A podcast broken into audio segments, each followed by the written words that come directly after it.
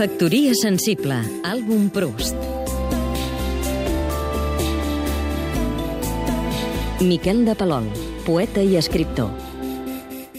La Recherche de Proust és, per antonomàsia, la lectura que si un ha tingut la sort i l'encert de fer en la primera joventut, que és quan més cal llegir, està obligat a repetir-la més endavant, arribat a allò que tan dubtosament se'n diu la maduresa, perquè hi trobarà un llibre diferent del d'anys enrere.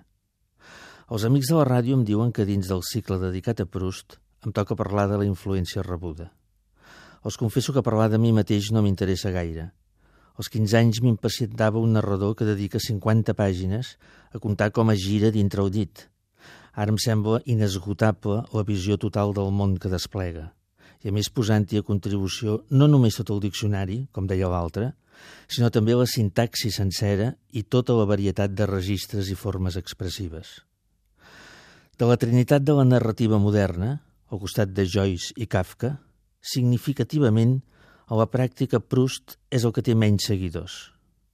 Salvades les diferències de propòsit i contingut, és per la novel·la moderna allò que Wagner és per l'òpera.